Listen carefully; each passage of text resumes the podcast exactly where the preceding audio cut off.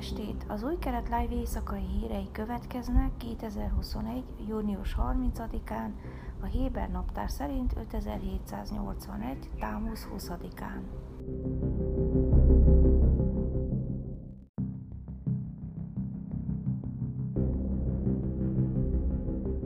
Jair Lapid külügyminiszter szerdán hivatalosan felavatta Izrael dubai konzulátusát. Amit ma megnyitunk, az nem csak konzulátus, hanem együttműködésünk központja is, mondta.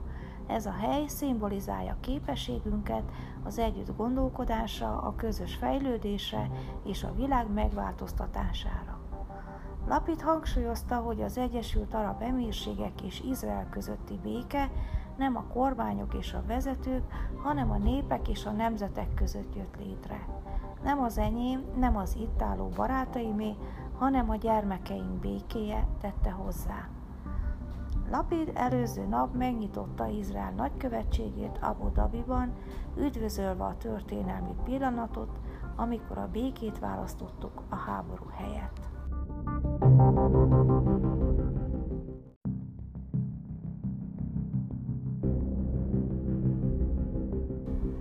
Kedden 293 új koronavírusos esetet regisztráltak Izraelben, közölte az egészségügyi minisztérium reggel. Három hónapja nem volt ilyen magas az új fertőzések száma, miközben a delta variáns terjedésének visszaszorítására irányuló erőfeszítések folytatódnak. Az aktív esetek száma 1760, közülük 50 van kórházban. A súlyos esetek száma 24. A járvány kezdete óta összesen 6429 izraeli hunyt el. Tegnap a 67.895 tesztből 0,5% lett pozitív. A hatóságok újabb kampányt indítottak a 12-15 évesek beoltására a múlt héten, reagálva az egyre növekvő számú új esetre, amelyek közül sok a vírus gyorsan terjedő delta variánsának tulajdonítható. Azóta a naponta beadott oltások száma április eleje óta először 10 ezer fölé emelkedett. A kedden beoltottak között volt Mihály Bennett, Naftali Bennett miniszterelnök 14 éves lánya is.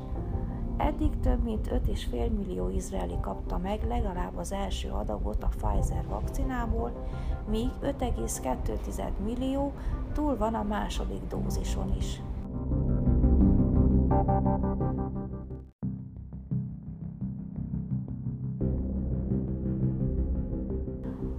Az önkiszolgáló kutaknál a kormányzati árszabályozású 95%-os oktánszámú benzinára július 1, vagyis szerda éjféltől 18 agorottal, azaz literenként 6,31 sékerre emelkedik, jelentette be az Energiaügyi Minisztérium. A teljes körű szolgáltatást biztosító benzin töltőállomásoknál a kiszolgálás díja 21 agorot marad. Ejláton a forgalmi adó nélkül számított 95-ös benzin éjféltől 15 agorottal 5,39 sékerre fog emelkedni, míg a személyzet által biztosított szolgáltatás díja 18 agorot marad. Az olajárak további világpiaci emelkedése miatt ez lesz a nyolcadik egymást követő hónap, amely során az állam által felügyelt benzinárak emelkedtek. A benzin ára a 2020 májusi 4,79 sékeres mélypontról folyamatosan emelkedve érte el a jelenlegi árfolyamot.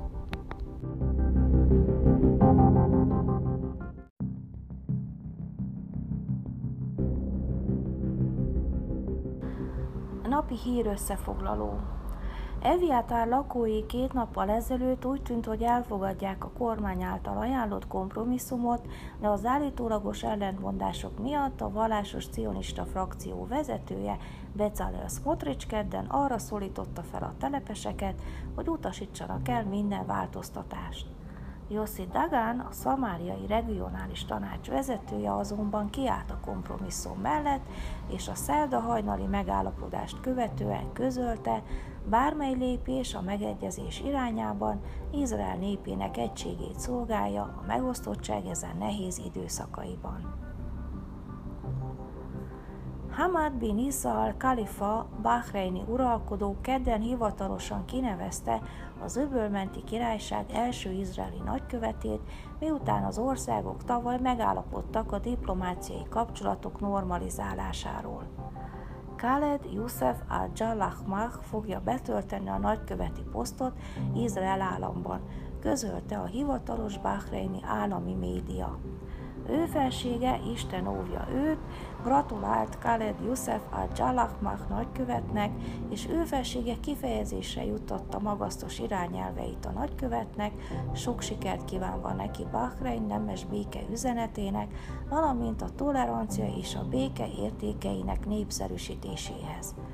A diplomata a Bahreini külügyminisztérium műveleti igazgatója és a Washingtoni nagykövetség misszióvezető helyettese volt korábban. Kedden befejeződött az izraeli légierő, valamint az amerikai tengerészgyalogság és a brit légierő F-35-ös repülőgépekkel végzett nemzetközi Tri Lightning 2 gyakorlata gyakorlat során a pilóták különféle légi forgatókönyveket gyakoroltak, beleértve a közelharcokat, fejlett föld-levegő rakétarendszerekkel való megbirkózást, valamint az ellenséges terület mélyén fekvő célpontok megtámadását és ellenséges országok feletti harci szituációkat gyakorlatot a stratégiai regionális együttműködés, valamint az F-35-ös nemzetközi közösséggel való együttműködés megerősítésére tervezték, közölte az izraeli védelmi erők. Ruven Rivlin elnök kedden az ENSZ-ben tartott találkozója során azt üzente a palesztinoknak, hogy el kell felejteni a múltat, hogy a két nép együtt élhessen.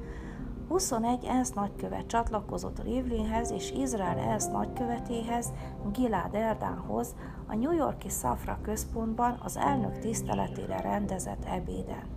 A képviselt nemzetek az Egyesült Államok, Oroszország, az Egyesült Királyság, Kanada, Hollandia, Kenya, Ruanda, Gána, Ausztria, Albánia, Magyarország, Málta, Görögország, Ciprus, Marokkó, Bahrein, Hondurász, Guatemala, Mexikó, Bután, Ausztrália és Bulgária voltak. A kínai küldöttség, melynek nagykövete nagyon kritikusan viszonyult Izraelhez a múlt havi gázai háború idején, először elfogadta a meghívást, de végül visszalépett. Az ebéd előtt Rivlin az ENSZ-ben találkozott Antonio Gutierrez főtitkárral, és felszólalt az Izrael elleni határozatok és vizsgáló bizottságok ellen a nemzetközi testületben közel-keleti régiónkban bizalmat kell építeni a népek között. Izrael és a palesztinok között soha nem lesz béke, Izrael ellenes döntések vagy vizsgáló bizottságok révén, mondta Rivlin, a Gutierrezzel folytatott találkozója hivatalának nyilatkozata szerint. Véget kell vetni az ENSZ intézmények Izrael elleni elfogultságának, tette hozzá a leköszönő elnök.